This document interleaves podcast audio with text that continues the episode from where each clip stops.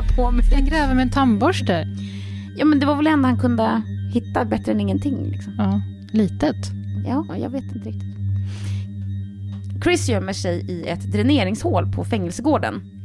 Ett sånt där med galler över. Ja, just. Mm. Och där ligger han tills det blir mörkt, eller ligger, jag tror han står så. Eh, men det tar lång tid. Vakter passerar precis över hans huvud när de går runda med ficklampa. Efter tre timmar är det dags att smyga fram ur hålet, men det går knappt. Chris ben har somnat i den trånga och obekväma ställningen och det blir nästan slutet på Chris flyktförsök. Men benen vaknar till liv. Chris sprintar över gården, använder sig av en, om jag förstått det rätt, hemmabyggd stege, ställer den mot stängslet, klättrar upp, klipper sig igenom taggtråden högst upp med sekatören, tar sig över till friheten och flyr. Allt detta utan att bli upptäckt. Det är helt otroligt. Helt otroligt. Huh. Och nu, Ja. vi ser lite bilder. Jättegärna. Det har jag missat. Jag hade kunnat göra det lite mer löpande, men vi kör. Ja. Och ni som lyssnar ska ju såklart in på Instagram och hitta oss. Ja, absolut. Där är Chris Ja. och där är Andrew. De ser lite ut som jag föreställde mig. Ja, lite 70-tals... Ja, och, och Chris ser lite mer oskyldig ut än Andrew. Mm. Eller Lite mer, jag vet inte, renrakad kanske. Fast samtidigt, Andrew gör ju en konstig min där. Ja, han sant, så här det gör suger in under läppen på något. Det är ett dåligt foto, men ja. Där är dräneringshålet under och där ser du annars Chris i fängelset. Ja, Vi har fler bilder, men de tar vi sen. okej. För som du förstår så är ju inte historien sluten. Nej. Nej. Chris känner sig nästan oövervinnerlig. Han är fri. Men sen vaknar han efter första natten, iskall, täckt av frost. Och han tänker, Here is a total sense of freedom. så, aha, är det det här friheten är? Typ. Jag tar det i alla fall som att det är så här sarkastiskt uttal. Liksom. Ja, för han kommer ju inte vara fri, han kommer få leva på flykt. Mhm, Det är ju också. Ja. Han lever på bär och insekter några dagar tills han når en by. Han kamperar i området kring byn i veckor, stjäl mat från husen nattetid och lyfter sig sen fram till en avlägsen plats nära den kanadensiska gränsen, där han sen promenerar över gränsen till Kanada. Sen promenerar han genast tillbaka till USA igen. Citat. As if reeled in by some imperceptible other, I couldn't bring myself to leave America. Alltså som en osynlig dragningskraft som gjorde att han inte kunde få sig själv att lämna USA. Så landet som han liksom avskytt något så innerligt, som han kände hade svikit honom genom att liksom spionera på allierade länder och behandlat honom så omänskligt i fängelset, kunde han ändå inte lämna. Nej. Inte ens när han är på flykt från rättvisan. Istället så tar han sig till och slår sig ner i Bonners Ferry i Idaho.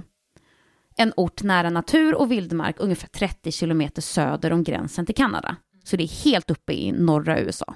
En lokal polis beskriver orten som den som antagligen haft fler rymlingar än någon annan plats i landet. Och nu har de en ny invånare. En på landets Most Wanted List.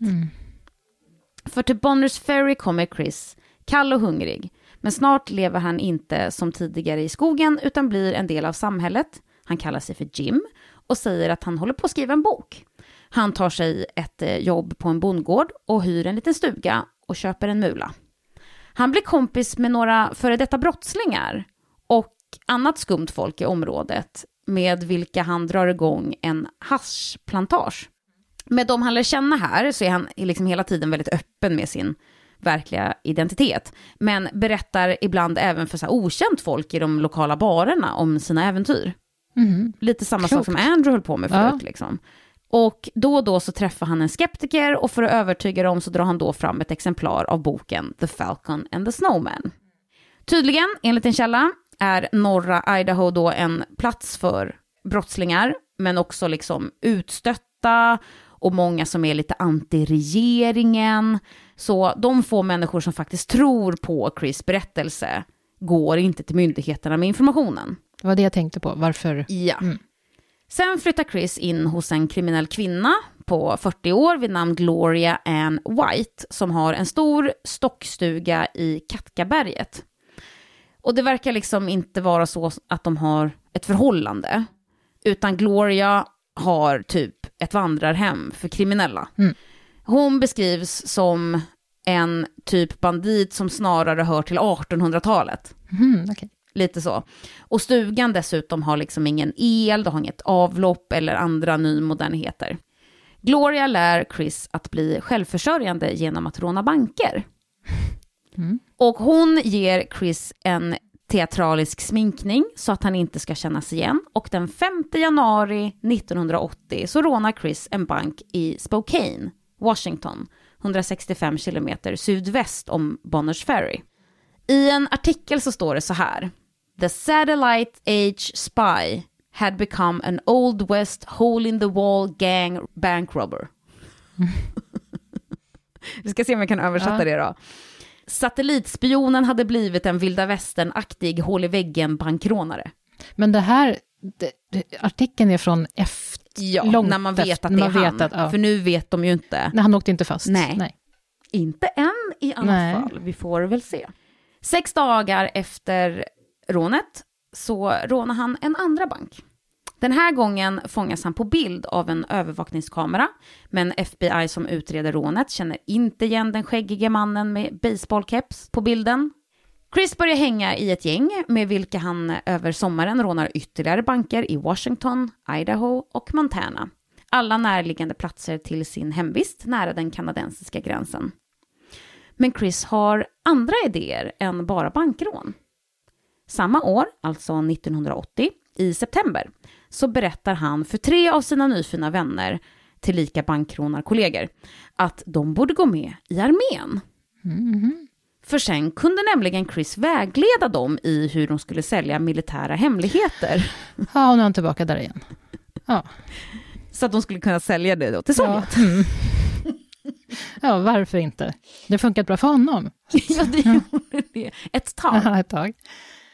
Det var ju också lite på grund av Andrew det gick åt skogen. Ja, Mm. faktiskt. Och det tycker dock inte Chris kompisar är en speciellt bra idé, så den rinner ut i sanden.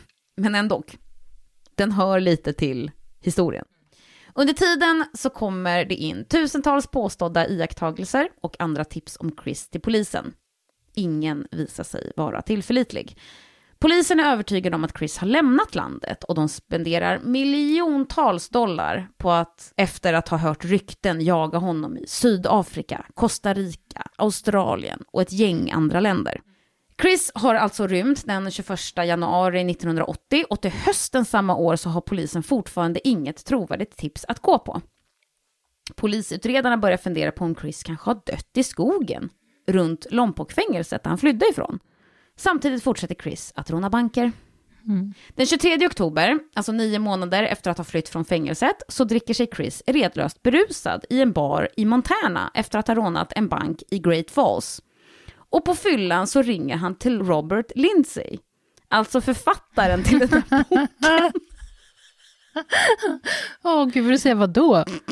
för att bara säga att jag är okej. Ah, Jag mår bra. tack för boken, den är bra. Jag är inte död.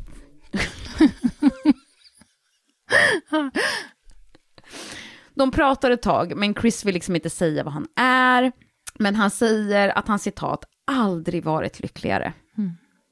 Han förnekar rykten om att CIA eller KGB skulle ha hjälpt honom fly.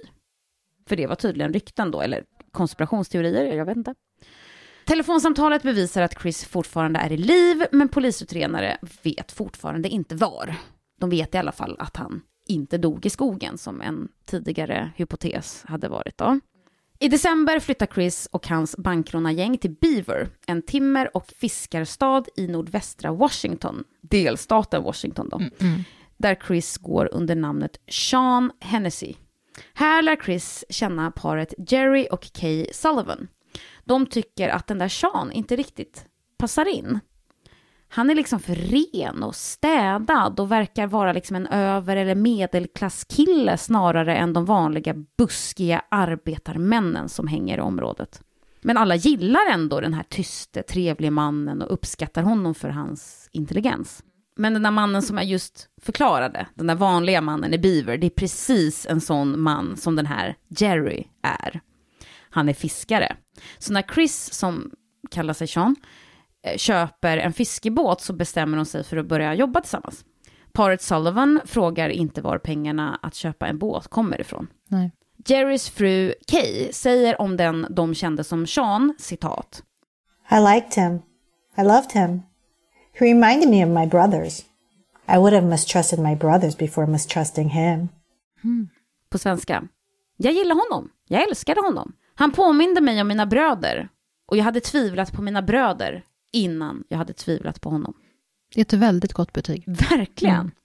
Den 23 december så ringer Chris till sin kusin för att önska denne god jul och ber henne hälsa hans föräldrar att han älskar dem. Samtalet kunde inte spåras.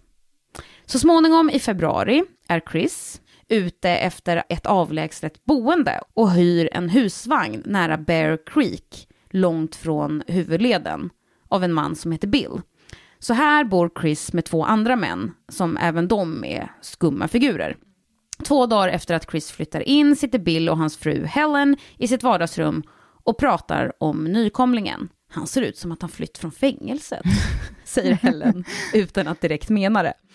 De tre hyresgästerna flyttar ut i slutet av mars, alltså bara en månad efter att de har flyttat in och lämnar husvagnen i totalt kaos. Och Chris bor istället på sin båt och fortsätter fiska lax med Jerry till säsongens slut den 31 maj. Och efter det flyttar han in hos Jerry och hans fru Kay.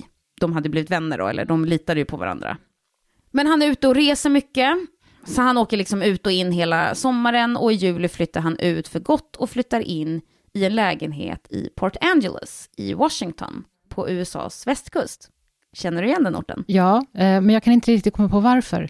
Det, är något manus som... Det är där historien Två män och en baby. Ja, det är sig. därför. Det är Ja. därför. Mm. Och det är ju 24 brott i jul avsnittet från den 21 december 2019. Just det. Så om ni vill höra mer om Port Angeles, Så lyssna på det, om ni inte redan har gjort det. ja, galet, galen, galen, galen historia. Ja, verkligen. Hur som helst, om du inte har hört det, det är, Port Angeles är i alla fall också i närheten av den kanadensiska gränsen. Det är liksom bara lite vatten mellan länderna. Och här kallar sig Chris för Tony Lester. Han har till och med ett körkort som bekräftar den identiteten. Och han säger att han väntar på ett skepp och bara kommer vara i orten i sex veckor. Men den riktiga anledningen till att Chris är i Port Angeles är för att han har en plan som liksom har formats i hans huvud under hela våren 1981. Han ska med en helikopter, likt Red Lucy, Mm. flyga in till fängelsegården på Lompoc-fängelset och bryta ut sin kompis Andrew. Som inte ville. Nej. Mot hans vilja. Han tänker citat. Dalton's not any more innocent than I am, but that doesn't change anything about the fact that he's in prison because of something I started. Alltså, Andrew är inte mer oskyldig än jag. Men det ändrar inte det faktum att han är i fängelse på grund av något som jag drog igång. Han är ganska godhjärtad. Och det är ju sant. Ja, det är väldigt sant. Ja. Som, som vi pratade om tidigare, att, att eh, Andrew fick ju livstidsfängelse och eh, det fick ju inte Chris. Trots att Andrew hade ju inte kunnat genomföra spionaget utan Chris, men det hade ju Chris kunnat göra utan Andrew. Ja. Så efter att ha fått ut Andrew ur fängelset så är planen att de skulle ta ett fartyg till Alaska och sen över till Sovjet. Mhm. Under namnet Tony så åker Chris till Pearson Air Service i Port Angeles och börjar ta flyglektioner. Han åker till flygplatsen varje dag och pluggar heltid. Han vill nämligen få sin licens snabbt.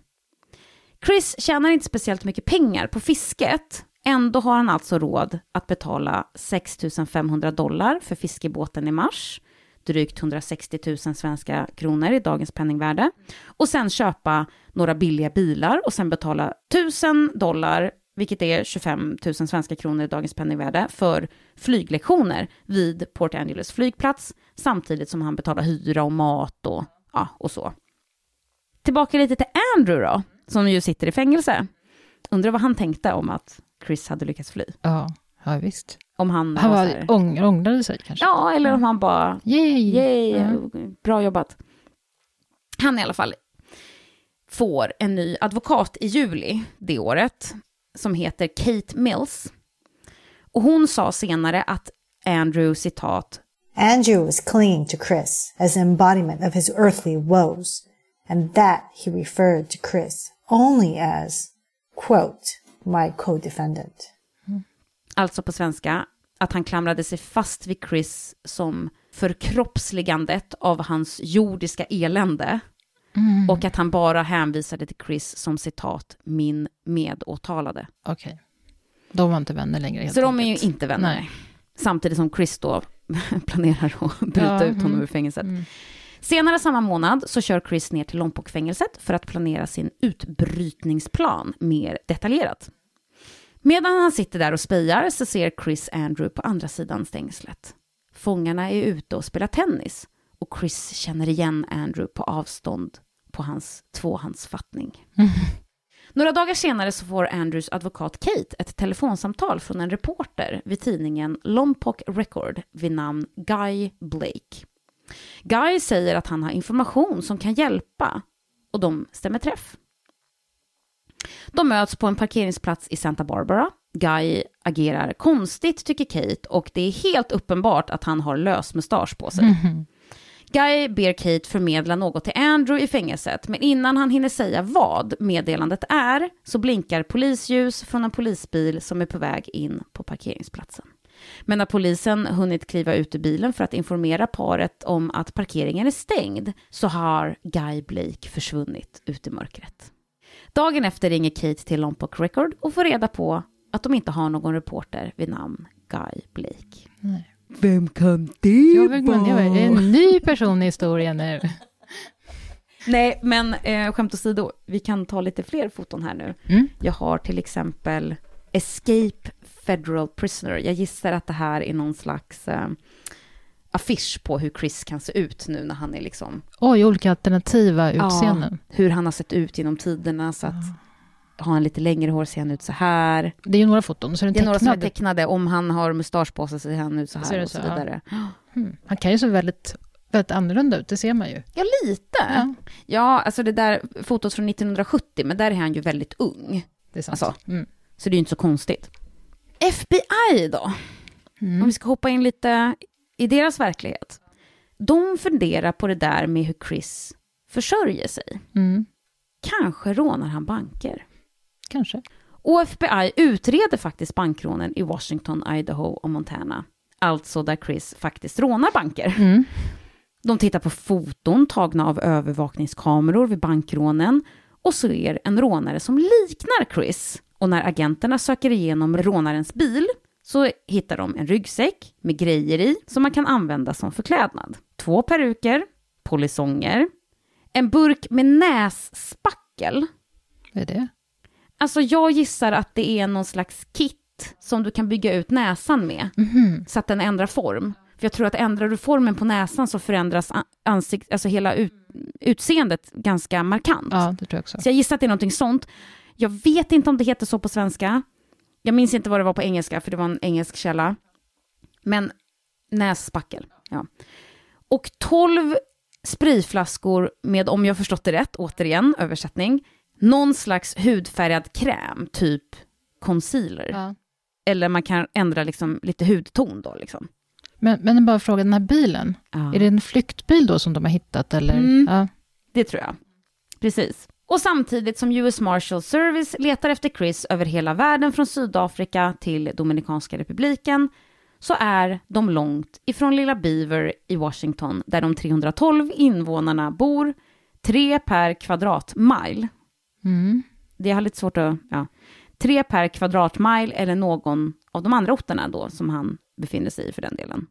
Men den 31 juli möter US Marshall upp med en man vid namn Alex Cooper. Han vill ha belöningen på 250 000 dollar för den som har tips om Chris. Och Alex är en av Chris bankrånarkompisar som han bodde med i husvagnen i Beaver. Alex säger att Chris bor i Olympic Peninsula. Och det stämmer att han i alla fall har bott där. Men än vet inte polisen om det liksom är ytterligare ett villospår. Och de vet ju inte om den här Alex faktiskt känner Chris eller vad det nu är. Men De dyker ändå ner i tipset och åker till en affär där Alex säger att Chris har köpt målarfärg. Och när de hittar två kvitton med Chris skrivstil så är det den första riktiga ledtråden som de har på 18 månader. Åh. Fattar du hur länge han har varit på flykt? Ja, och då har de letat hela tiden. Ja, och lagt ner extremt mycket pengar. Men de hittar alltså inte Chris i Olympic Peninsula, men de får tips från Alex om alla bankrån. Så då kan de ju liksom koppla ihop att Chris var aktiv i det här bankrånet och så vidare. Och det leder till att myndigheterna hittar ett körkort tillhörande en man som ser ut som Chris, heter Anthony Lester, som har en adress i Beaver. Så FBI infiltrerar samhället utklädda till fiskare, timmermän och turister. Men i en ort med då 312 invånare så lägger ju folk märke till dem direkt. Och paret Sullivans barn undrar vad det är för konstiga människor som iakttar dem med kikare. Ja, gode tid. Alex vill nu gärna att Chris ska åka fast för han vill ju ha pengarna. För det var ju typ så här, åh, tipset som gör att han åker fast. Så, så han är lite investerad i det här nu. Han vet att Chris är polare med paret Sullivan, så han ringer till dem och försöker pressa dem på information.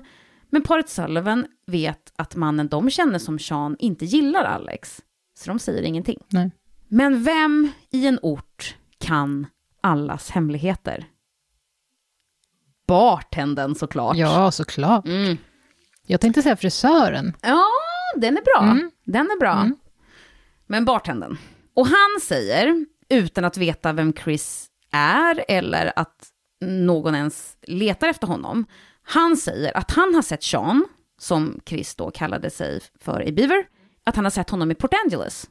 Och det är alltså det som så småningom leder FBI till Port Angeles. Alex fortsätter att ringa paret Sullivan gång på gång. Och de är ju kompisar med Sean, så de bestämmer sig för att nästa gång de hör från honom så ska de varna honom för att det är skumma människor som letar efter honom. Men det meddelandet hinner inte fram till Chris. I augusti kommer Chris tillbaka till Port Angeles efter sin utflykt till Lompokfängelset för att gå färdigt sin flygarutbildning. Han är bara några dagar ifrån att ha fullföljt utbildningen, ha sin licens i handen, så han kan göra verklighet i sin plan att flyga därifrån. Men nu är rättvisan honom på spåren. FBI och Marshall Service kontaktar det lokala sheriffkontoret och informerar dem om att Chris är i krokarna. De har information om en lägenhet i Port Angeles där Chris bor och de hänger utanför och väntar på att han ska synas till. Hoppet rinner dock ur dem då Chris aldrig dyker upp. Det verkar som att han har kommit undan än en gång. På ett infall så åker US Marshals till The Pit Stop, en snabbmatrestaurang på huvudgatan i Port Angeles, för att beväpnade med ett foto av Chris gå runt och se om någon anställd känner igen honom. De kör in på parkeringen och det här är en restaurang där servitörer kommer ut på rullskridskor till bilarna för att ta beställningen och sen kan man sitta i bilen och äta. Jag vet inte om de har en servering också, men ja. Och medan de sitter och väntar på att en servitör liksom ska komma så slöt tittar en av dem ut genom bilens sidofönster och tittar på bilen parkerad precis bredvid. Och det är en svart och guldfärgad Oldsmobile och bakom ratten sitter Christopher Boyce, läser en bok och äter en ostburgare med lökringar. Vilken osis. Jag vill inte att den ska åka fast längre. Man hejar lite på honom, visst gör man det? ja, man gör, vet du, jag trodde att du skulle säga Nej. att det var han som var servitören. att de kom framrullande på rullskridskor. ja, det hade blivit en jätterolig biljakt. ja, jobbigt att fly. Ja, ja ja, nedförsbackar. Shit alltså. Frum. Ja. Det är fredagen den 21 augusti 1981. Exakt 19 månader på dagen efter flykten från fängelset. Deputy Dave Neff hukar sig vid Chris öppna bilfönster, riktar en pistol mot Chris vänstra öra och beordrar citat. Drop the hamburger!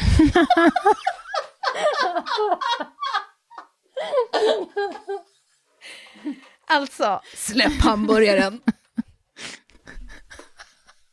Är det här verkligen ett riktigt fall? ja. Du förstår hur mycket jag har sett fram emot att få läsa Ja. upp det här för dig. Det förstår jag. Alltså, jag tror att jag blev mätt ett tag på, på väldigt hemska fall Ja, och mord och, och alla de här grejerna. Så att jag, när jag hittade det här, jag bara, jag måste göra det.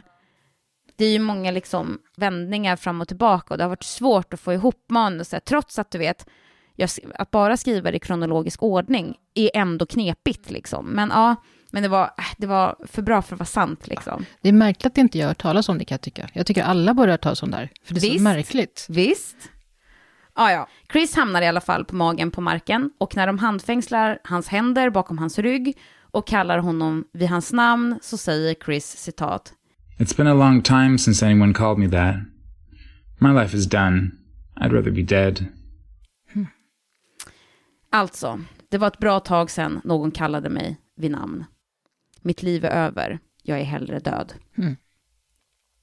Några minuter senare får chefen för sökandet efter Chris ett telefonsamtal. Det är strax efter midnatt. Det är männen som just har gripit Chris och de säger The Falcon is back in his cage. It's over. Alltså det är så filmiskt. Ja, det är Det är otroligt. så filmiskt. På svenska blir det Falken är tillbaka i sin bur. Det är över. Det är helt, alltså vilka citat. Det är underbart. Chris skickas till ett federalt fängelse i Kansas och blir satt i isoleringscell. Hans straff ökas och nu har han en 63-årig tid att sitta av i fängelse. Han har ju fortfarande liksom en tid kvar från sitt senaste fängelsestraff och nu läggs det till mer tid för flykten och för de 17 bankrån som Just han har genomfört också, under tiden på flykt. det. Det är 17. Ja, för först var det 40 år han fick. Ja. Och sen stack han. Ja. Och sen rånade han banker. Ja. Mm, precis. Och det innebär att Chris kommer fira sin eh, 90-års födelsedag bakom galler. Han är uppe för möjlig villkorlig frigivning först efter 20 år. Han är modfälld och uttrycker hur han känner hur han blir, citat, tillbakadragen in i en liten fyrkantig cell, förnedring som ett form av slaveri. Jag skulle hellre blivit skjuten i huvudet än tagen tillbaka. Jag hade hellre fått huvudet avskuret. Usch. Slutcitat. Så han eh, mår inte jättebra. Nej. Och nu börjar det Chris själv kallar för den långa kalla vintern av sitt liv. I ett federalt fängelse där naturen är reducerad till kackerlackor, myror och flugor. I utbyte mot deras hjälp i utredningen så blir Alex och de andra då som har tjallat Mm. inte åtalade för bankrånen som de ju också var inblandade i. Men de får bara 15 000 dollar av den där belöningen som utlovats för Chris. Vilket motsvarar 377 000 svenska kronor i dagens penningvärde. Det är ändå rätt bra. De slipper ju undan straff Absolut. rånen. Men jag tror att det är mindre än hälften av det som utlovades. Ja, Alltså- mm, jo. Chris blir eh, flyttad till vad vid den här tiden var det fängelse med högst säkerhet i Marion, Illinois. En stor del av fängelset var under jord. Men inte nog med det, här blir han även satt i isoleringscell. Så dels för hans egen säkerhet, men också för att det klassades som hög risk för att han skulle fly. Här målar Chris mest porträtt, ett av dem av hans pappa. Han läser och samlar på böcker, har flera hundra som snart står staplade liksom från golv till tak i isoleringscellen. Men han mår inte bra och han vänder sig inåt. Ibland fantiserar han att han är Sir Francis Drake och sätter segel mot spanska armadan. Ibland klär han sig i grått eller blått och iscensätter slaget vid Bull Run mellan Confederate och Yankees. 1985 så kommer filmen. Den har samma namn som boken den är baserad på, The Falcon and the Snowman, alltså Falken och Snömannen. Chris spelas av Timothy Hutton och Andrew av Sean Penn. Jaha, Ja, där är Sean Penn och Timothy Hutton. han till höger. Ja, här. Sean Penn känner jag igen, fast han ser inte ut som han brukar. Nej, han är nog lite yngre än vad man är van vid och han har eh, lite 70-tals mustasch. Och Boris, han spelas av samma skådespelare som spelar Agatha Christies Pierrot Jaha. i alla de filmerna som blev filmatiserade nästan som en serie, tror jag. Så, så honom kände jag igen också. Jag har sett filmen Ja. faktiskt. Ja, mm. Och det, vad ska jag säga? Filmen, filmen är bra, men det blir inte lika skrattretande när det är på film. Utan man måste nästan veta att det här har hänt på riktigt, för då blir det så komiskt. Den är liksom inte rolig för att vara hittepå, men den är rolig för att vara sann.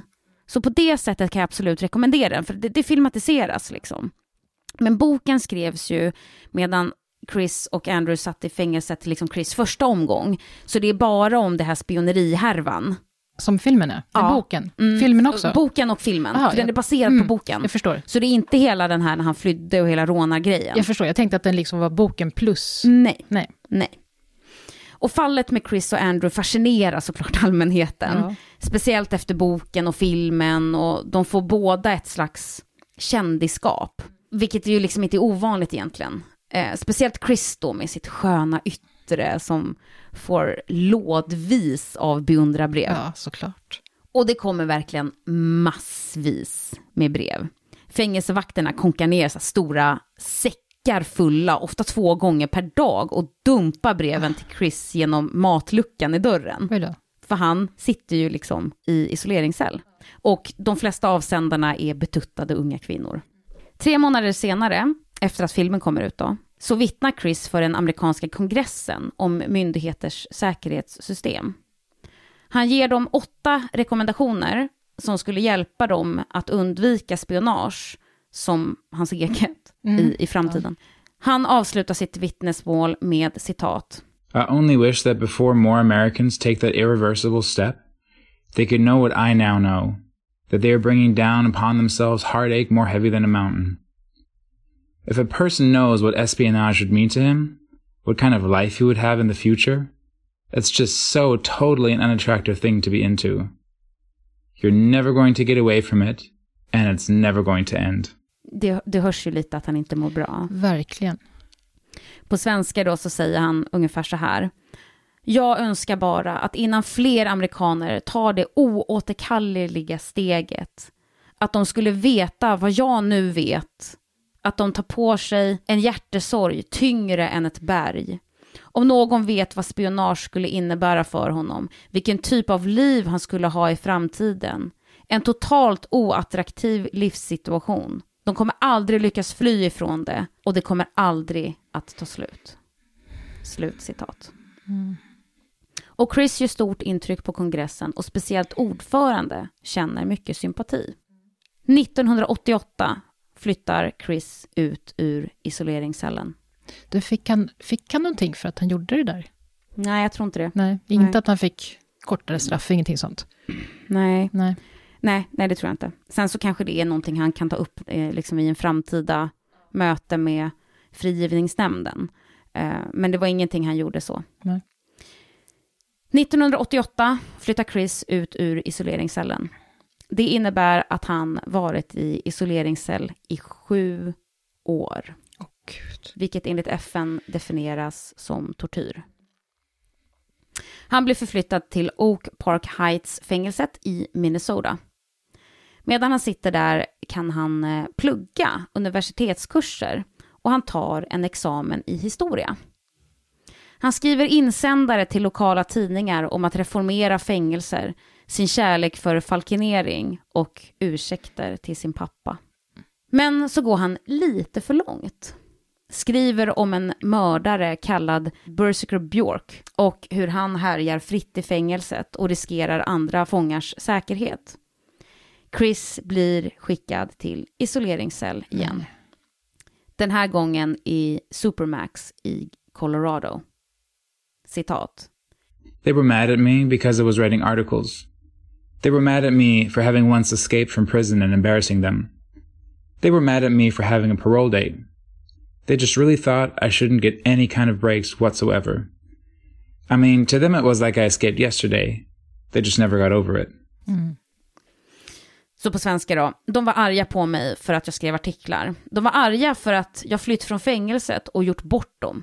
De var arga för att jag en dag skulle kunna vara fri. De tyckte inte att jag skulle ha några privilegier alls. Jag menar, för dem var det som att jag flytt igår. De hade inte kommit över det än. Slutcitat. Just det där blivit bortgjorda kan jag tänka mig Mm. att... Ja, Verkligen. Och fängelset själva menar ju att de liksom flyttar Chris till Colorado för hans egen säkerhet. Men han sitter nu i en enmanscell, inlåst 23 timmar per dygn. Och en gång per dygn så blir han tillåten ut på en liten, liten gård själv i en timme. När han ska ut så får han backa fram till luckan i dörren och bli handfängslad bakom ryggen. Den 22 juli 1997, så nu har vi hoppat lite i tiden, Mm. så kommer Andrew ut ur Lompoc-fängelset med hjälp av Kate Mills. Den där advokaten Ja. som vi har hört om tidigare. Ja. Han har då suttit inne i 20 år och är 45 år gammal. Väl ute i frihet så blir han för en stund personlig assistent åt Sean Penn, Va? som spelade honom i filmen. Ja. Jösses. Ja, och jag vet Men- ingenting mer om den Nej. så. Eh, Men ja. Undrar om det var en slump att han blev det? Alltså det kan Eller om det det ju var typ att han- inte vara. Det kan ju Nej, inte vara det. Att han ringde upp. Tjena, det är Andrew. Ja. Nej, jag vet inte. Och jag vet ingenting mer om det så, men det var en källa som tog upp det, så det, var bara, det, var ju, det är värt att ha med liksom. Nu när Andrew är ute så koncentrerar sig Kate på att också få ut Chris. Och det arbetet leder till att Kate och Chris inleder ett förhållande. Mhm. Kate har även fortsatt kontakt med Andrew som kompis då. Eh, och han blir tydligen lite avundsjuk på att Kate och Chris har inlett ett förhållande. Samma år, 1997, så har Chris 50 år kvar på sitt straff och har ett möte med frigivningsnämnden. Han vädjar om att få ett förkortat straff och faller till och med i tårar när han pratar om all den tid som han har gått miste om. De som talar för en tidig frigivning för Chris säger att Sovjet, som nu är Ryssland, inte är ett hot längre, så kalla kriget liksom är över. Att Chris har mognat, är ledsen över sina brott och att han inte har en personlighet som passar i fängelse. Nej. De som talar mot Chris påpekar att man inte får glömma bort allvaret i Chris brott och en tidig frigivning inte var i linje med just hur grovt brottet var. Hur som helst så får Chris ett datum för villkorlig frigivning den 15 mars 2003. Alltså om fyra år efter mötet och 22 år efter att han blivit tillfångatagen för andra gången. År 2000 övertalar Andrew Kate om att de ska öppna en restaurang tillsammans i San Francisco i Kalifornien. Men när det går upp för Kate att restaurangen är finansierad av droghandlare så drar hon sig ur. Då skriver Andrew ett brev till Kate där han uttrycker vilken bitch hon är. Kate säger upp bekantskapen och sen finns ingen offentlig information om vad som hände Andrew Nej. alltså efter år 2000. Den 16 september 2002 så blir Chris villkorligt frigiven från det fängelset han suttit i i Oregon. Han är då 49 år gammal och har suttit inne i halva sitt liv. Hans familj vill hämta honom, med hela släkten närvarande, under pompa och ståt, men det vill inte Chris, för det skulle vara alldeles för känslomässigt överväldigande. Han väntar en halvtimme ute på parkeringsplatsen utanför fängelset innan hans föräldrar kör in och plockar upp honom. Träden är fortfarande gröna och genom bilens fönster kan Chris inte ta ögonen ifrån allt han ser och inte sett på så många år. Han tänker, Somehow, I'm not quite sure how, but somehow this whole thing is over. I'm absolutely, I don't know what to say. This huge weight on the top of my head. It's finally done så på svenska, på något sätt, jag är inte säker på exakt hur, men på något sätt så är hela den här grejen över. Jag är helt, jag vet inte vad jag ska säga, det, bördan som har hängt över mitt huvud är äntligen borta. Chris flyger till San Francisco där Kate plockar upp honom vid flygplatsen. Hon har med sig lite kläder till Chris och en picknickkorg. Kate är 48 år gammal, lång, rödhårig, en fransk kock, gillar att surfa och har överlevt cancer. Senare samma dag friar Chris till Kate. det var ju inte ett gråtavsnitt det här. Men det är lite fint. Ja, det är fint. Man, man, man, eh, man hejar lite på honom. Ja.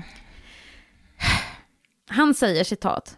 I've loved you ever since I saw you in that beach parking lot. Alltså, jag har älskat dig sedan första gången jag såg dig på den där parkeringsplatsen. Och det är alltså första gången som Chris erkänner att det var han som var reporten Guy Ja. Blake.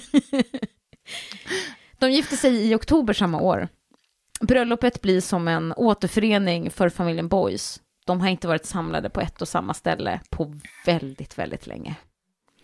Men Chris är på villkorlig frigivning. Han bor i ett rehabiliteringshem, var så jag översatte det, men på engelska heter det halfway house. Så utslussnings... Utslussningshem, det kanske är bättre. Ja. Och det är alltså innan han kanske blir helt fri, om han sköter sig i ett halvår. Och han vill inte ge några intervjuer, dels för att han är rädd för att det liksom ska påverka frigivningsnämnden negativt. Och så vill han liksom inte dra upp gammalt groll och krossa sin pappas hjärta ytterligare en gång.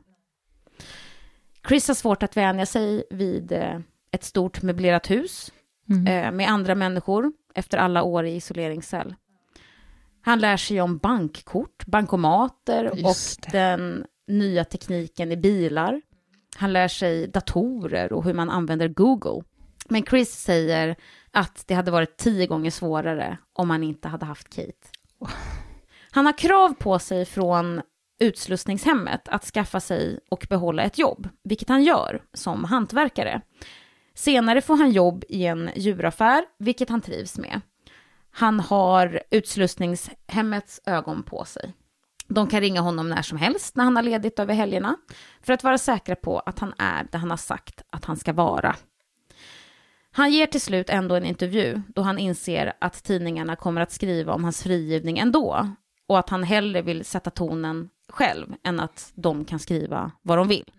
The New York Times träffar Chris i hans frus vardagsrum i San Francisco där han hälsar på då han har två dygn ledigt från utslussningshemmet. Han har precis fyllt 50 år och på sidorna av huvudet är håret grått. Han tillbringar så mycket tid han kan med sin fru Kate, går promenader och tittar på fåglar, gärna genom kikaren som han har fått av sin fru. Han tittar mest ut genom fönstret under intervjun. Han har en mjuk röst, rör sig med försiktighet och pratar med eftertänksamhet. Han berättar citat. On weekends, I barbecue in the backyard. I lie in the hammock watching the clouds go by. I like taking the dogs for walks in the park. It sounds kind of boring, but for me, it's like the ultimate freedom. You can just wander around a park with a couple of crazy dogs, watch the surf, watch the ravens out around the beach. You can walk right up to them. When I first got here, when I first got to the halfway house, I just wandered around San Francisco for about four or five days on the streetcars and on the trolley cars, just looking. I went up to the tops of the hills of San Francisco, and a flock of about a hundred parrots flew past. There's this one area where the parrots are like pigeons in San Francisco. They're conures. And I mean, it was just amazing. I went down to the Embarcadero and over to Fisherman's Wharf and wandered through the streets looking at all these old buildings that were built in 1869 or whatever, and checking out the architecture and going to art museums and the Mint and Up and Down Market. Just looking at the people and going into the old churches and cathedrals and just absorbing the city. Parole is a great gas. På helgerna grillar jag i trädgården. Jag ligger i hängmattan och tittar på molnen passera. Jag gillar att gå på promenader med hundarna i parken. Det låter kanske tråkigt, men för mig är det den absoluta friheten. Man kan bara strosa runt i parken och titta på stranden, vallen. Och man kan liksom bara gå upp till dem. När jag först kom hit till utslussningshemmet så gick jag bara runt i San Francisco i, i fyra, fem dagar. Jag bara tittade. Jag gick till toppen av stadens kullar och en flock av hundratals fåglar fög förbi. Det finns ett ställe där massor med fåglar samlas och det var helt underbart. Jag gick runt till olika stadsdelar, på museum och gick runt och bara tog in arkitekturen och alla människor. Gick in i gamla kyrkor och katedraler och bara liksom tog in staden. Villkorlig frigivning är underbart. I en intervju i tidningen The Los Angeles Times från 2003 så berättar Chris hur han skäms över sina brott. Speciellt bankrånen. Eh, intervjun sker hemma hos Chris fru Kate när det är helg och Chris då har ledigt från det här ehm, utslussningshemmet. Då börjar datumet för Chris villkorliga frigivning närma sig, alltså då han inte behöver bo på hemmet längre. vilket är den 15 mars 2003. Han är inte längre blek som han var när han satt inne och han berättar att han har gått upp i vikt. 3-3,5 kilo ungefär. Kate menar att det är mycket mer, närmare 8 kilo, I don't think so. säger Chris. Excuse me? I'm looking at it, pal. Alltså, jag tror inte det, säger Chris. Ursäkta mig, jag ser ju det, svarar Kate. Chris blir frisläppt, flyttar ut ur eh, utslussningshemmet och slår sig så småningom ner i Oregon med sin fru Kate och där får Chris ett chefsjobb på en flygplats. Han fick Alltså, ju nästan sin licens. Ja, alltså den här berättelsen går i cirklar på något sätt hela tiden. ja, man knyter ihop små säckar överallt känns det som. Andrew och Chris har inte pratat sedan den 20 januari 1980, alltså dagen innan Chris flydde från Lompoc-fängelset. Chris polar dock ihop sig med David Lee, Andrews bror. Nästa gång världen hör något om Chris är 2013 i en artikel som heter I am married to Christopher John Boyce. Och det är alltså skrivet av Kate. Hon beskriver hur de efter att Chris blivit frigiven ville leva anonymt, inte ge intervjuer, förutom den där 2003 då. Eh, eller de gjorde ju två där i samband med frigivningen. Eh, och att de inte, citat, vill dra till Hollywood. De vill inte ha uppmärksamhet. De vill inte att folk ska veta vilka de är. De vill bara lämna det bakom sig. Det är nämligen många som hyser agg mot Chris fortfarande. Hon berättar hur de flyttar till en annan delstat, en liten ort, och hur Chris njuter av att bo i ett hus med trädgård. De har ett stort härligt kök, hundar och fåglar och börjar äntligen känna sig som att de är i säkerhet. Då känner de att de vill berätta sin historia. Och det gör de. Kate beskriver i artikeln hur det var både skratt och tårar, glädje och sorg att gå igenom alla minnen. Hon säger While we struggle to make this time and this memory something that will shape us as human beings, to atone for that which was wrong, it is also a step forward in life, a life outside of prison walls. Alltså, medan vi kämpar med att göra tiden och minnena något som formar oss som människor och gottgöra det som varit fel, så har det också inneburit ett steg framåt i livet, ett liv utanför fängelseväggarna. Och 2013 kommer boken American Sons, The Untold Story of the Falcon and the Snowman. På svenska, Amerikanska söner, den oberättade berättelsen om Falken och Snömannen. Och det är inte, jag vet inte om den är översatt till svenska, utan jag har bara själv översatt titeln. Men den eventuellt heter den någonting annat, jag vet inte. Och den handlar främst om Chris tid i fängelset och hans relation med Kate och med medförfattaren Vince Font. Chris blir intervjuad i samband med att boken ges ut och uttrycker då hur han eh, stöttar det Edward Snowden gjort då han exponerade information om den amerikanska statens övervakning. Mm. Den 15 maj 2019 så gör en, en anonym Wikipedia-användare sju uppdateringar på sidan om Christopher Boyce. Det är de enda ändringar som den anonyma användaren någonsin gjort på Wikipedia. Användaren tar bort information om att Chris och Kate gått isär och hatar restauranger. Användaren lägger till information om att Chris har ett bra förhållande till sin pappa, sina åtta syskon och till sin mamma fram till hennes död 2017. Och användaren ändrar informationen om var Chris bor till Oregon och att han där tar hand om falkar och lever ett stillsamt liv. Än idag pratar timmermännen och fiskarna i Beaver och Port Angeles om den där Sean över en öl då och då. De pratar om honom med värme, som att han är en vän. Snabbmatsrestaurangen där Chris blev gripen, The Pit Stop, har numera, eller i alla fall vid tiden för när den här källan skrevs, ett speciellt spionmål på menyn som består av ostburgare och lökringar. Måltiden Chris åt när han blev gripen. Såklart de har. Och det var det. Vilket fall. Jag vet. Jag är helt stum. Jag trodde inte att det skulle finnas någonting som skulle kunna slå Big John. Oh. Och det det, finns det risk för det menar Nej, du? kanske inte slå, men det ligger på samma nivå. Vet du hur länge jag har pratat nu? Nej. Och det här är ju innan vi klipper det här. Ja. Två timmar och åtta minuter. Nej. Det känns som en kvart. Ja. Jag har suttit på helspänn. Men alltså, du måste ju se filmen. Det måste jag. Det är kanske är det vi ska göra ikväll. Kanske det vi ska göra. Så då får du se den igen. Ja, det gör väl ingenting. Jag vill jättegärna se den. Vilken- Alltså, jag har sett så mycket fram emot att berätta det här för dig. Så mycket, jag visste bara att du skulle gilla det. Ja, jag älskar det. Och liksom så fram och tillbaka och... Och det är ju liksom, det är ju verkligen, först när man, för, för när jag började researcha, eller när jag hörde om det här fallet, Ja. så var det ju först hela den här spiongrejen. Man, Det här är helt sjukt, det är helt sjukt. Och det är så komiskt och när Andrew liksom, han tränger sig in på ambassaden och man bara, du är dum, det här är ju, är ju han är ju som en seriefigur, Ja. liksom. Och sen så bara flykten från fängelset och att han lyckas och han håller sig undan, bankrån och allt. Det är, Och han ändrar liksom åsikter ganska många gånger. ja, men det verkar ju som att han på något vis landar och lugnar ner Ja. sig, om man ska säga. Det är ju inte alla som gör det, men jag har lite bilder här. Ja. Det här är på dagen när Chris och Kate gifter sig. Titta, fina de är. Visst är de?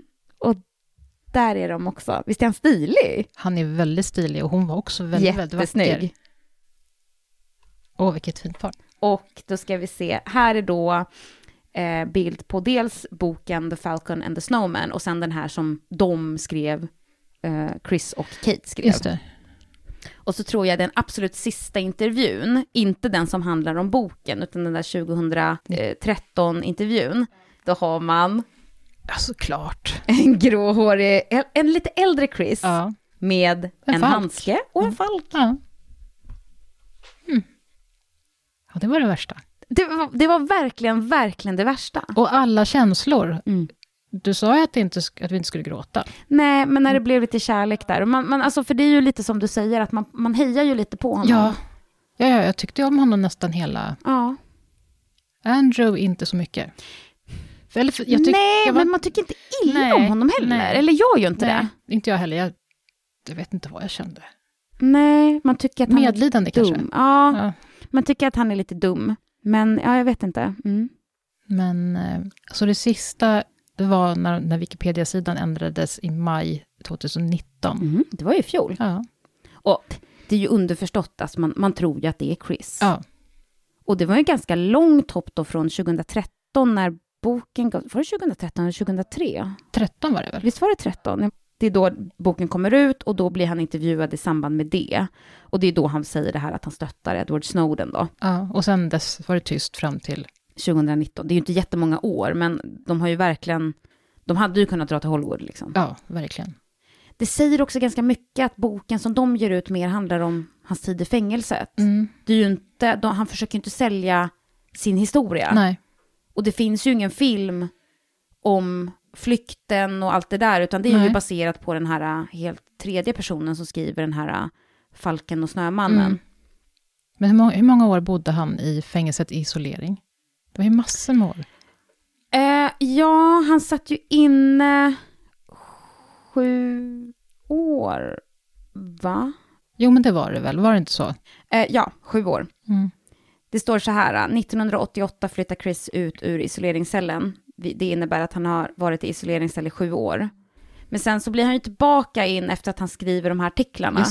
Men jag tror att det handlar om det här med att FN klassar det som eh, tortyr. Det handlar ju också om att man sitter sju år i sträck. Ja. Och det är det jag tror att han gör. Sen så blir det så här, ja det är bråk på avdelningen, du får sitta ner i isoleringscell i tre dagar. Alltså Ja. jag vet inte. Men det, det är så jag förstår det. Mm. Vilken resa. Jag kände också att det var en resa trots att jag visste vad som skulle hända. Tack snälla, det var, det var fantastiskt. Och hur kan man inte veta om det här? Nej, jag vet! Alltså så kände jag också. Det, jag vet inte. Jag är jätteglad över att du inte visste om det, för då fick jag ju verkligen berätta det här för dig. Hade ingen aning. Men nej, inte jag heller. Men jag vet inte, kanske folk där ute som gör det. Kan ni inte gå in på, på Instagram och kommentera? Jag gör det, för att vi, tänk om det är så att alla ni lyssnare faktiskt har hört. Det var jag som inte hört det förut. Jag är ju också lite nöjd, för det blir ju också lite så här, vi räknade att eh, fram till det här bonusavsnittet som vi eh, skickade ut via sms, Mm. så har vi gjort 35 avsnitt. Ja. Och av 35 avsnitt så har vi aldrig gjort någonting om spionage. Nej. Ja, det var så bra. Mm. Men eh, ska vi säga hej då och vi ses imorgon? eller? Ja, det gör vi. Ha det bra tills imorgon.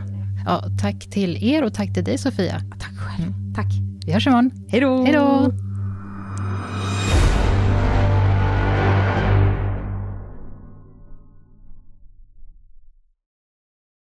Andrew drar fram... Farm. Andrew drar... Jag kan inte prata. Andrew drar fram film...